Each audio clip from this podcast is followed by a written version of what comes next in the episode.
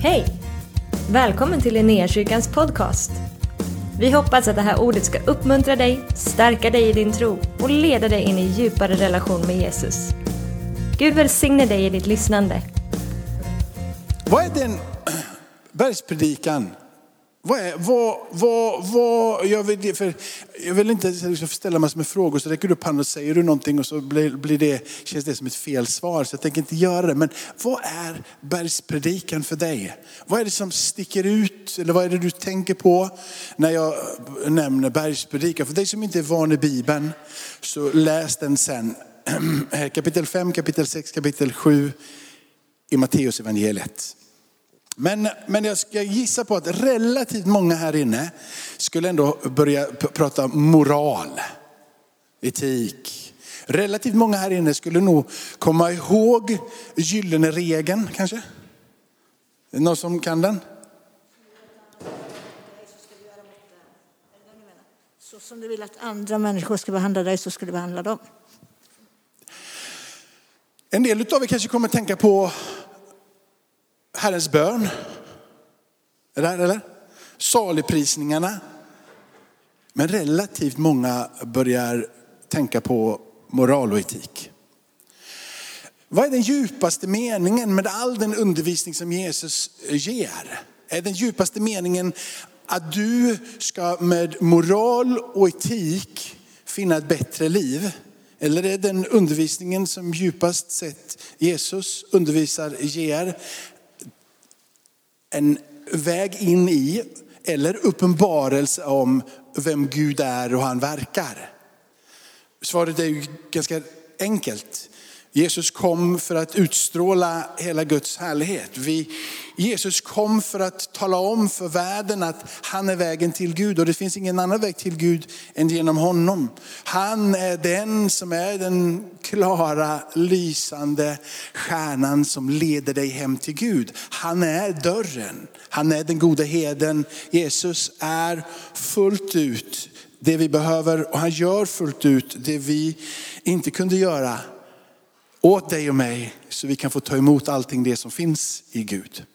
Bergspredikan och allting det som Jesus undervisar där, alla andra ställen och allting som Jesus gör, allting som är av helande under och tecken och mirakler är bara en tecken eller någonting som pekar på en högre verklighet. Att Gud finns och att han är vägen till Gud. Bergspredikan avslutas på ett ganska speciellt sätt. En berättelse som, om du har gått i söndagsskola alla gånger, har hört. Men kommer du ihåg de första orden i den berättelsen? Den första meningen som leder in i det som är den här starka berättelsen om han som är förståndig, som bygger på klippan. Och den oförståndige som bygger på sand. Och när det blåser så faller det som är byggt på sand, men det som är byggt på klippan det står kvar. Är det någon som kommer ihåg vad de orden som står där innan är?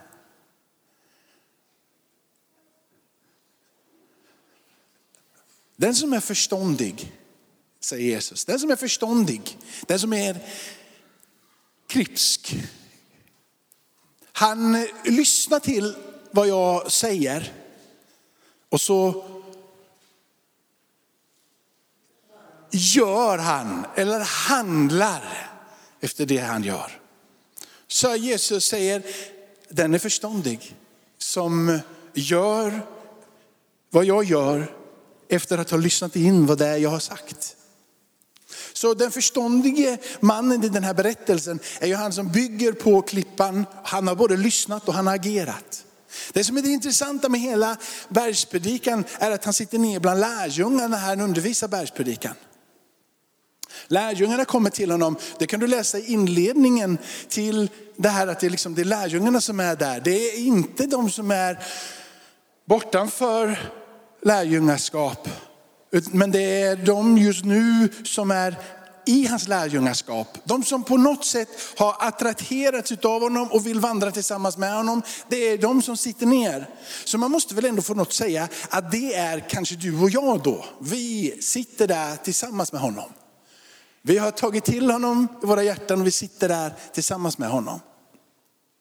Och om vi då skulle bara gå ännu djupare. Är då det som händer i bergspredikan och det som undervisas i bergspredikan predikan för de som är utanför eller är det en predikan för de som är innanför? Det måste ju således vara en undervisning för de som är lärjungar till Jesus. Är ni med på resan? Så undervisningen som han gör där är för de som är redan frälsta. Om du då går till sista kapitlet, har han ändrat åhörare i sista kapitlet? Det har han ju inte gjort. Det är fortfarande samma åhörare i kapitel 5, kapitel 6, kapitel 7. Det är fortfarande lärjungarna som sitter där. Så vad är det han talar om för dessa lärjungar i denna sista berättelse? Är det ytterligare moral och etik? Eller är det en attityd som han vill åt i deras liv. Lite av det som Marianne har fått uppleva, ett andligt genombrott där hon igen känner passion. Där hon igen överlåter sig och får möta och få uppleva Gud. Är det så att den sista berättelsen bara handlar om att den som är klok är den som, att den som är, liksom, att det bara är Jesu lärjungar här som är de som bygger på klippan. För jag kan se ganska många lärjungar till Jesus som har lyssnat på vad han har sagt, men som inte gör någonting av det han säger att vi ska göra. Vi har lyssnat, men vi agerar inte. Jag tror att sista berättelsen inte handlar om de som är frälsta och de som inte är frälsta. Utan jag tror att det handlar om mycket, mycket mer om din och min attityd som lärjungar till vem han är och vad det är han säger. Det handlar inte om frälst eller inte frälst i sista verserna. Det handlar om den som är, tillhör den levande guden och vandrar tillsammans med honom. Klok och vis är den som vill vandra tillsammans med mig, som lyssnar på vad jag säger och gör det jag gör. Och när jag har skrivit ner det här innan jag har hållit lite undervisningar om det här eller predikat om det här, så har jag skrivit en viktig rad i det här. Är du den personen som litar på det som du har gjort tillsammans med Jesus för att se vem du är i hans ögon? Eller är du den personen som litar på vad han har gjort för dig? Och därifrån lever ett liv värt hans ära. Det är ganska stor skillnad. För det, det är egentligen det han gör. När Jesus sitter sig ner tillsammans med sina lärjungar i bergpredikan så har de en filosofi, en idé om livet. Det är att jag är en rättfärdig jude. Och när jag gör rätta saker så blir jag också stadfäst i min rättfärdighet. Så jag är en jude, nu kommer Jesus och undervisar och det enda jag ska göra nu det är bara leva ännu bättre göra ännu bättre saker. Han höjer nivån, han höjer standarden. Han säger att nu ska jag till och med älska de som hatar mig. Nu är plötsligt, hur i hela världen ska jag leva upp till den här rättfärdigheten som nu finns? Jag är ju redan jude, jag blir rättfärdig genom lagen. De har ännu inte förstått att rättfärdigheten blir man inte genom lagen eller genom att göra det som är rätt. Du och jag kan inte bevisa att vi tillhör Jesus genom det vi gör. Utan du kan bara hänvisa att du tillhör honom genom det han har gjort. Förståndig är den man som förstår, eller den kvinna för den delens skull, som förstår att lyssna till och göra det jag, har, det jag gör, handla därefter. Det vill säga att jag litar på det som är korsets kraft. Det är ju evangeliet. Att rättfärdigheten inte har kommit till det vi gör. Det är inte moral och etik som förvandlar ditt liv. Det är inte moral och etik som bevisar att du tillhör Jesus. Det är din lovprisning med ditt liv. Dina ords bekännelse förvandlade ditt hjärta. Din tros övertygelse gav dig rättfärdighet. Och din tro har frälst dig och du tillhör nu honom And that's it. Det finns inte så mycket mer att lägga till din frälsning. Förra söndagen så pratade vi om att du kom till honom med ingenting och så gav han dig allt. Det var ungefär det som förra predikan handlade om. Du har ingenting att erbjuda honom och ändå så gav han dig allt. Och så länge vi tror att vi har någonting att erbjuda honom så kommer vi alltid gå vilse i vår egen cirkel. Paulus uttrycker det så här.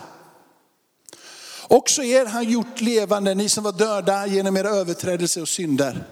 Tidigare levde ni på den här världens sätt och följde härskare över luftens välde, den ande som nu är verksam i olydnadens barn. Bland dem var vi alla en gång.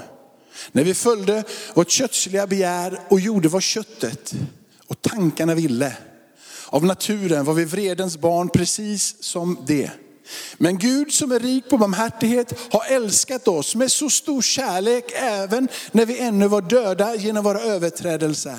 Att han har gjort oss levande med Kristus. Av nåden i frälsta. Han har uppväckt oss med honom och satt oss med honom i den himmelska världen i Kristus Jesus för att i kommande tider visa sin överväldigande rika nåd genom godhet mot oss i Kristus. Av nåd är ni frälsta genom tro. Inte av er själva, Guds gåva är det. Inte på grund av gärningar för att ingen ska berömma sig. Hans verk är vi, skapade i Kristus Jesus till goda gärningar som Gud har förberett för att vi ska vandra i dem. Hans verk är vi, vi är skapade i Kristus Jesus till goda gärningar som Gud har förberett för att vi ska vandra i dem. Så, Herren har frälst dig. Herren kommer ge dig den kraften du behöver för att stå upp. Herren kommer ge dig den kraften du behöver för att tala ut. Och Herren kommer ge dig den kraften du behöver för att leva ut. Herre kommer ge dig den kraften du behöver för att ställa dig upp. Herre kommer ge dig den kraften du behöver för att tala ut. Och Herre kommer ge dig den kraften du behöver för att leva ut. Ibland så behöver vi bara få stanna upp och stanna av och låta det vara han som får resa oss upp igen. Hur många av er försöker stå upp liksom? Ibland så gör vi det, eller hur? Ibland så kämpar vi för att bara få stå, stå upp. Jag vill stå kvar i min tro, jag vill stå kvar i fastheten. Jag håller, försöker hålla ut för jag vet vad som är rätt och riktigt. Men du står upp för att du själv kämpar med att stå upp. Det är ganska tärande att försöka stå upp när man inte orkar stå upp. Ganska befriande att få lägga sig ner vid det tomma korset och bekänna sig till han som är uppstånden från de döda och låta han vara den som reser dig upp. Att vara tillgänglig för den kraften som finns i hans uppståndelse genom att kapitulera framför honom. Genom att inte kämpa utan att lägga sig ner och dö och igen få ta emot den nåd som finns i honom. Ingen ska kunna berömma sig inför honom. Ingen ska kunna säga att jag tog mig igenom det här livet genom att jag var stark. Genom att jag tog hand om mig själv. Genom den position, den inflytande, de pengar jag har, de människor jag hade runt omkring mig. Ingen ska kunna berömma sig inför honom. Tog du dig igenom som kristen så var det för att du dog och för att du kapitulerade och för att du erkände att du är behovet av honom. Det är det enda sättet att ta sig igenom som kristen. När vi känner att vi klarar oss själva, då är vi på väg att dö. När vi känner att vi är starka så är vi på väg att gå in i nästa passage i livet av att ödmjukas. Det är när vi ställer oss upp på, på dagen och igenkänner inför honom och säger så här, jag behöver dig. Och när du känner ibland att du är så stark så du skulle kunna ta dig igenom vad som helst. Gör dig då den största tjänsten av alla. Det vill säga att jag ger upp. Jag känner att kanske att jag idag är stark, men jag väljer att vara svag. Jag väljer att ge upp. Jag väljer, ja, jag vill inte lita mig på det jag har. Jag vill inte försöka. Jag vill inte vara den som roddar ihop mitt eget liv. Även om jag idag känner att jag faktiskt har den kraften. Jag, jag kapitulerar och jag ger upp. Det är styrkan med att få vara andefylld och vara en kristen och tillhöra honom. Det är att du inte behöver stå där själv. Varken sig du känner dig stark eller svag, utan du kan få hitta styrkan i honom. Hur många gånger har du försökt att tala och när du talar så känner du att det här kanske är bra. Men om det var han som fick lägga orden i din mun. Löftet finns ju där. Den heliga ande finns hos dig. Han vill låta det bli planterat på din insida, lagt i din mun och det nästan får bubbla ut ur dig. Istället för att du ska komma ihåg en bibelvers så är bibelversen född på din insida. Istället för att memorera vad du ska säga, så bara det där livet får andas på din insida. Det är placerat i dig. Tänk att istället för att du krampaktigt ska försöka hitta de bästa orden, så får du göra dig tillgänglig för den helige ande. Komma in i ett sammanhang där de bara väntar på att inte du ska tala, men att Jesus ska tala igenom dig. Jag måste ha ett ord med mig, jag måste veta vad jag ska säga. Du behöver inte alltid veta vad du ska säga, men du måste vara öppen för att han ska få tala igenom dig. Det finns inget mer befriande. Att komma någonstans och inte veta vad du ska säga, men att säga här är jag och Gud har sänt mig. Det är så underbart att vara lite, lite spakig. Så bara, jag, jag, jag, jag, jag, lämnar, jag lämnar det här. Liksom. Jag lämnar bort det här. Jag lämnar bort det när jag eh, ska in till, till grannen, eller jag lämnar bort det när jag ska till skolan. Jag lämnar bort det där förberedda, det där perfekta vittnesbördet. Den där platsen där jag redan vet vad jag ska säga innan någon annan vet vad jag ska säga. Men jag har sagt det här ska jag säga, det här. jag har laddat med det här. Och då laddat med någonting som inte kommer göra någon verkan. Men så kommer du där helt tomhänt och bara säger Jesus, låt det få dina ord som kommer ut ur min mun. På samma sätt som du kapitulerar inför honom och bara säger, jag dör inför dig, du får resa mig upp. Tänk att du på samma sätt bara får säga, jag ska inte försöka, jag ska bara låta orden få komma ut ur mig. Du vet att när du inser att han älskar dig så kommer du också få kraft att älska. När du inser att det är han som har förlåtit dig så kommer du också få kraft att förlåta. När du inser att allting det han sagt är sanning och att det har tagit sin boning i dig, så kommer det som finns i hans sanningar som är lagt på din insida vara det som kommer ut ur dig. Jesus säger det med orden av att det som har kommit in i dig, det är det som kommer ut ur dig. Det vill säga det som är lagt i ditt hjärta är det som kommer komma ut ur dig. Det är inte det som kommer in i oss som gör människan syndig. Men det som kommer ut ur oss är det som gör människan oren. Vi behöver kapitulera inför honom och låta hans ord få komma in på våran insida och hans ord som får komma ut ur våran mun. På samma sätt med handlingarna. Varför försöka så innerligt att vara så oerhört bra när det inte hjälper dig någonting i din relation med Gud? Nu ska jag, den här dagen ska jag vara, vara den bästa versionen av Jakob. Och jag, liksom, jag kämpar med att vara någonting som jag inte orkar vara ändå. Istället för att kapitulera inför honom och bara säga om det finns någonting idag Herre som är möjligt att jag kan göra för dig, bara ge mig möjligheten att få vara ditt språkrör, att få vara dina händer i den här världen. Men jag orkar inte, jag kämpar, jag har försökt och det funkar inte.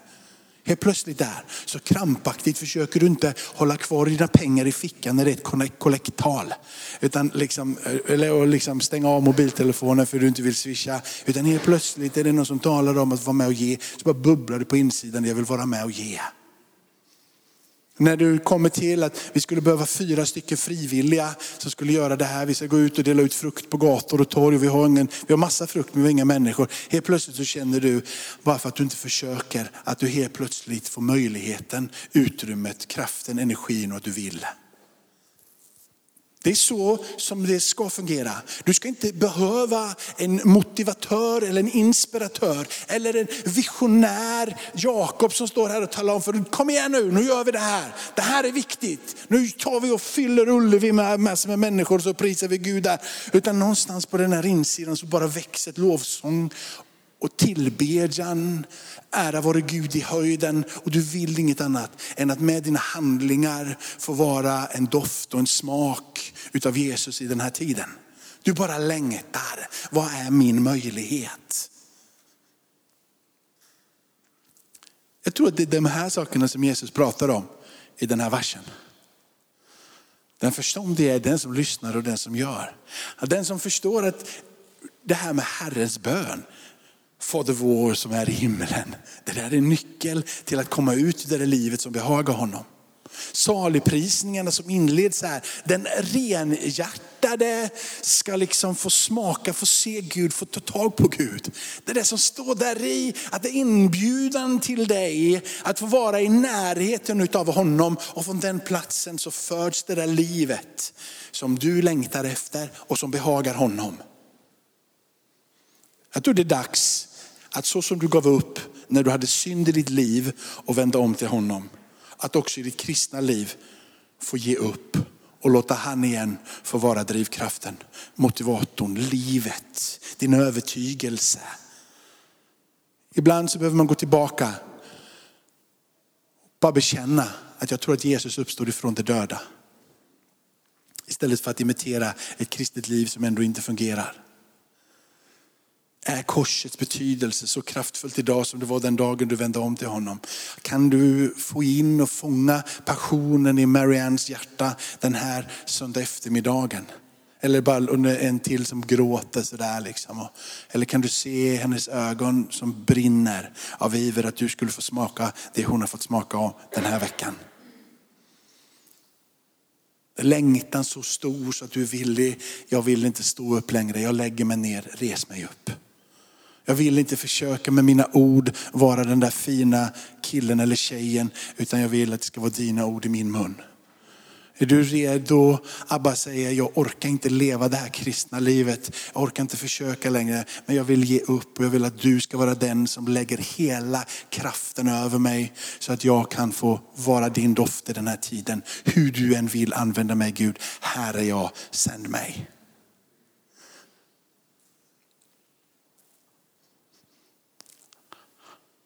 Amen. Jag, jag tänkte att vi skulle göra, göra en sak till, men det tar för lång tid.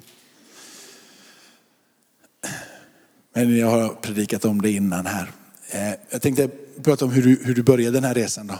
Och jag tänkte prata om att ett, du behöver ändra ditt sätt att tänka om vem Gud är, vem du är inför Gud. Hur Gud agerar mot sin skapelse hur Gud eh, agerar mot sitt folk så att du tänker rätt. Utifrån den platsen där du tänker rätt så kommer dina attityder förändras. Din attityd emot vem Gud är. För plötsligt när du ser hur Gud är, den objektiva sanningen om vem Gud är. När du ifrån den platsen reflekterar och förstår vem du är i hans ögon, hur han agerar med skapelsen och hur han agerar med sitt folk. Så kommer du att få ett helt annat liv på din insida. Attityden till vem Gud är kommer förändras och du kommer säga Gud är god. Se vilken omsorg han har om sitt folk. Och när du deklarerar och talar om så som Gud verkligen är och det är attityden på din insida så kommer dina handlingar att förändras. För det som finns i dig är det som kommer komma ut ur dig. Men det är en annan predikan. Amen. Tack för att du har varit med oss. Hoppas du känner dig inspirerad av Guds ord och har fått nya perspektiv. Hör gärna av dig till oss och berätta om Gud har rört vid dig på något sätt. Vi är så glada att få höra vittnesbörd om vad Gud gör. Du kan mejla oss på adressen info och dit kan du även mejla om du har ett böneämne som du önskar att vi ber för. Eller om du har tagit emot Jesus och inte har någon bibel så vill vi mer än gärna skicka en bibel till dig. Skicka ett mejl med ditt namn och dina adressuppgifter till info så ser vi till att du får en. Om du vill ge en gåva till Linnéakyrkans arbete för att nå fler människor med evangelium så kan du swisha till 123 520 0993. Du kan också besöka oss på linneakyrkan.se för att få mer information. Välkommen tillbaka att lyssna snart igen.